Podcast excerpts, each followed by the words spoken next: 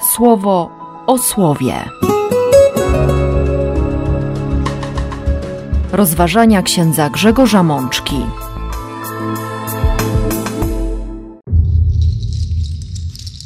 Trzecia niedziela Wielkiego Postu, rok C. Z Księgi Wyjścia. Zawołał więc Pan do niego z tego krzaka, tak mówiąc: Mojżeszu, Mojżeszu. On zapytał, o co chodzi? Odpowiedział mu, nie podchodź tu blisko. Zdejmij sandały ze swoich stóp, bo miejsce, na którym stoisz, jest ziemią świętą. Z Psalmu 103. On Twoje życie ratuje przed zniszczeniem.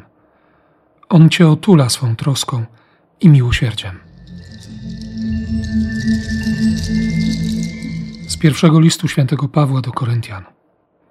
A zatem kto uważa, że stoi, niech się strzeże, aby nie upadł. Z Ewangelii według świętego Łukasza. On na to mu rzekł: Panie, zostaw go jeszcze na ten rok, żebym go okopał i dorzucił nawozu. Może potem wyda owoc. Siostry i bracia, przed nami trzecia niedziela Wielkiego Postu. Będziemy słyszeć w kościołach naszej diecezji list naszego pasterza, biskupa ordynariusza, w związku z 30. rocznicą powstania diecezji kaliskiej. Ale chciałbym, żebyśmy chociaż przez chwilę, dosłownie przez chwilę, zatrzymali się przy tych tekstach, które daje nam dziś Bóg we wspólnocie Kościoła jako, jako światło, jako pokarm na tę drogę, która przed nami. A wiemy dobrze, że, że nie jest to droga łatwa, to nie jest droga prosta. Myślę, że doświadczamy tego każdego dnia, szczególnie w tym czasie. A zatem Księga Wyjścia, początek trzeciego rozdziału. Mojżesz, który nie ma imienia, który ucieka od swojej historii, który próbuje sam siebie określić i widzi, że całe jego dotychczasowe życie jest wypalone, jest pozbawione sensu, nie potrafi siebie odnaleźć. Wypasa owce swojego teścia, kapłana Madianitów. Jak mówi Biblia, poprowadził je kiedyś aż do granicy pustynnych terenów. Przybył pod górę Choreb. I właśnie tam, kiedy wchodził na górę, zobaczył w płomieniach płonącego krzaka wysłannika Pana. Płonące cierniste krzewy nie były zjawiskiem szczególnym, jakimś wyjątkowym, bo zdarzało się to bardzo często. Ale Mojżesz widzi, że ten krzew po pierwsze stoi, po drugie płonie żywym ogniem i po trzecie nie ulega zniszczeniu. I kiedy chce podejść, żeby zobaczyć to, co wydaje mu się dzisiaj wyjątkowe, z czym się jeszcze nie spotkał, nagle słyszy głos: Nie podchodź, zdejmij sandały, bo miejsce, na którym stoisz, jest ziemią świętą. Mojżesz patrzy pod nogi. Choreb to miejsce wypalone, popękane, rozdarte, beznadziejne. Mojżesz nagle widzi swoje życie, które nie wydaje owoców, które pomimo doświadczenia wolności, bo przecież był jedynym Izraelitą, który wiedział, co znaczy być wolnym, jako dziecko wychowane na dworze faraona, on wciąż jest uwikłany, jest spętany swoją historią, swoją beznadzieją i swoistym brakiem przyszłości. Musiał usłyszeć dwa razy to swoje imię, które nie było imieniem. Mojżesz w języku egipskim. Tak naprawdę nic nie znaczy. To tylko patronim, który nie ma sensu bez ważnego dodatku, bez jakiegoś imienia. Mzes to znaczy należący do. Do kogo ten Mzes należy? Nie wiedział. On sam nie wiedział. I nagle przyznaje się do niego Bóg. Bóg, który przedstawi się z imienia Ja jestem. Jestem obecny, jestem będący. Jestem tutaj, jestem teraz, jestem dla Ciebie. Myślę, że kiedy wielu z nas wciąż zadaje sobie bardzo ważne pytania, właśnie w tym czasie: co się dzieje na świecie? Dlaczego ta wojna za naszą wschodnią granicą. Gdzie jest Bóg?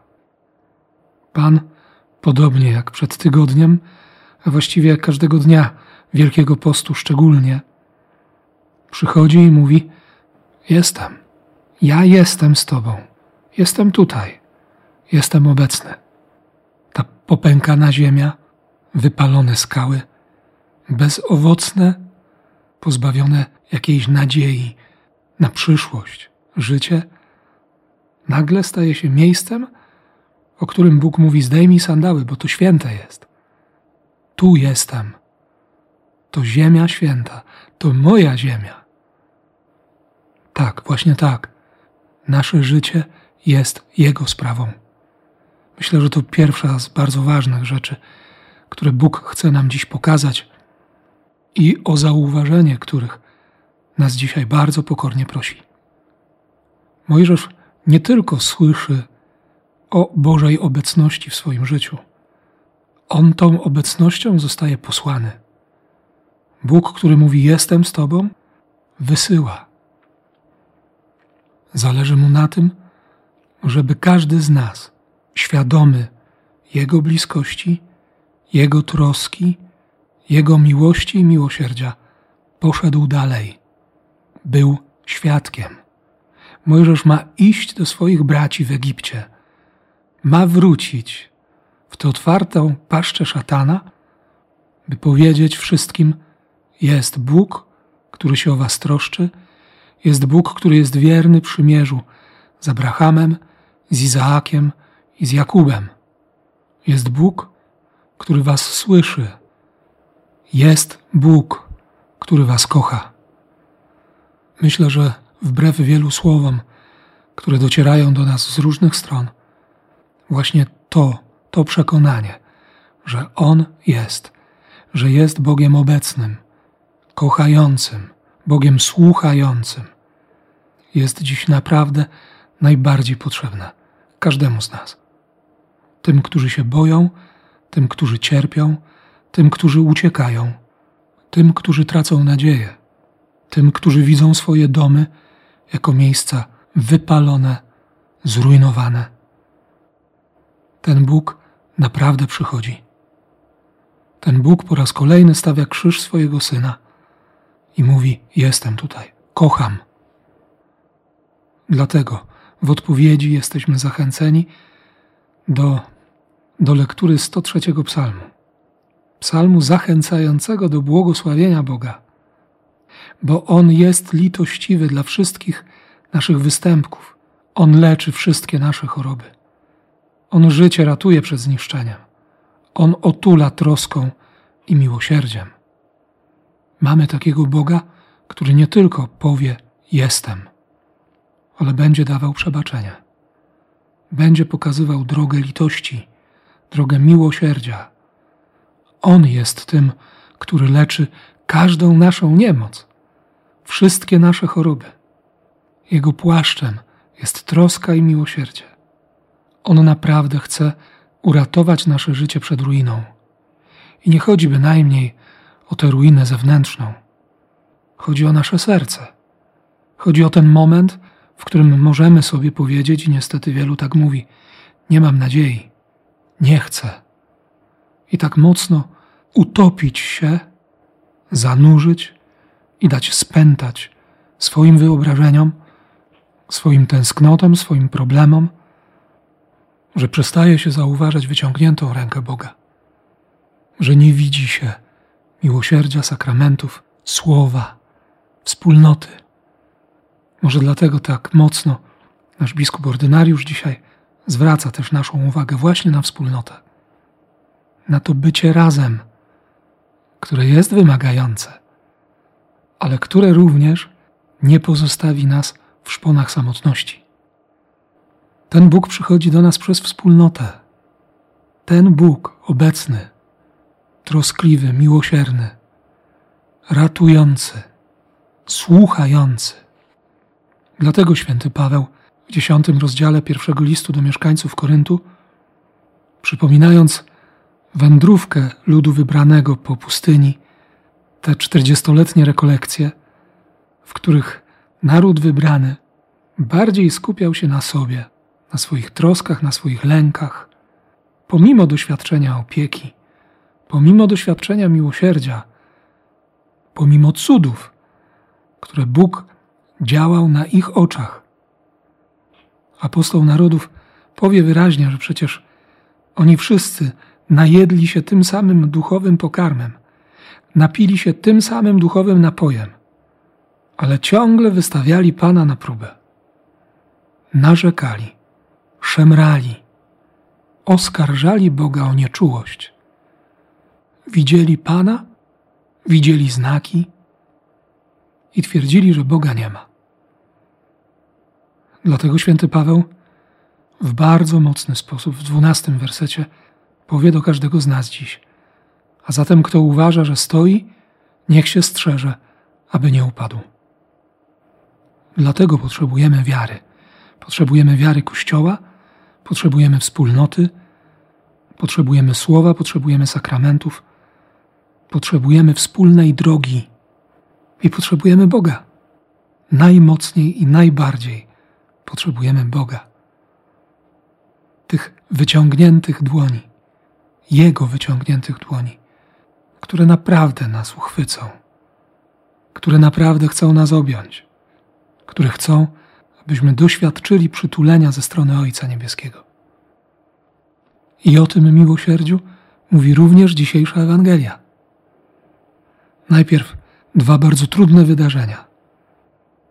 Galilejczycy, którzy podczas składania ofiar zostali zmasakrowani przez siepaczy Piłata i osiemnastu pobożnych pewnie Żydów, którzy zginęli podczas zawalenia się jednej z wież przy sadzawce Siloam. Jezus zadaje proste pytanie. Myślicie, że oni byli większymi grzesznikami? Jeśli się nie nawrócicie, wszyscy podobnie zginiecie. Co to znaczy? My wiemy, że nawrócić się to znaczy zmienić myślenie. Jezus mówi tutaj bardzo wyraźnie: Giniesz, kiedy zaczynasz oskarżać Boga o to, że, że potępia grzeszników, kiedy zaczynasz osądzać, że inni są gorsi od ciebie, kiedy zaczynasz gardzić, Twoje serce wtedy ginie, Twoje serce wtedy umiera. Kiedy pozwolisz sobie właśnie na takie myślenie, że możesz czuć pogardę, że możesz oskarżać Boga, że Twój punkt widzenia świata jest najlepszy, że nawet jesteś do tego zdolny, żeby posługiwać się Słowem Bożym dla usprawiedliwienia, uzasadnienia czy przekonania innych do Twoich planów, w których w ogóle nie liczysz się z Bogiem, w których masz Boga za nic. Przepraszam, że mówię w taki sposób, ale myślę, że wielu z nas dziś boryka się również z taką pokusą. I dlatego to słowo musi bardzo mocno wybrzmieć. Bo Jezus swoją myśl kontynuuje przypowieścią o figowcu. Właściciel winnicy przychodzi, by poszukać owocu. Ten figowiec był zasadzony w konkretnym celu. Miał sprawić, że całe robactwo i wszystkie ptaki będą się karmiły owocami figi, a zostawią w spokoju dojrzewające winogrona. Ale od trzech lat figowiec nie wypełnia swojego zadania. Oczywiście wiemy też, że żydowskie prawo nakazywało pierwsze owoce, pierwszoroczne owoce ofiarować Bogu. Kolejny rok miał być dla sierot i wdów. Trzeci rok miał być rokiem odpoczynku i dopiero na czwarty rok można było cieszyć się owocami. Oczywiście ten figowiec został posadzony w zupełnie innym celu. Ale może warto usłyszeć dzisiaj o tej cierpliwości ogrodnika, który mówi: Panie, zostaw go jeszcze na ten rok, żebym go okopał i dorzucił nawozu. Może potem wyda owoc. Nie ma owocu dla Boga, nie ma owocu dla potrzebujących, odpoczynek też nic nie daje. Może trzeba skopać takie życie, dorzucić jeszcze nawozu, odsłonić korzenie, trochę zranić, ale zranić nie po to, żeby skrzywdzić, ale żeby odsłonić źródło życia. Chrystus jest tym ogrodnikiem, który ma ciągle nadzieję. Chrystus jest tym, który chce ratować nasze serca, który nas po raz kolejny w trzecią niedzielę Wielkiego Postu wzywa do nawrócenia. Chrystus jest tym nieustannie obecnym, tą duchową skałą, o której Paweł napisał, że poiła lud wybrany na pustyni. To jest Bóg cierpliwy, Bóg słuchający, Bóg, który jest tutaj, teraz, dla nas. Niech nam wiary w tę obecność nie zabraknie. Amen. Słowo o słowie.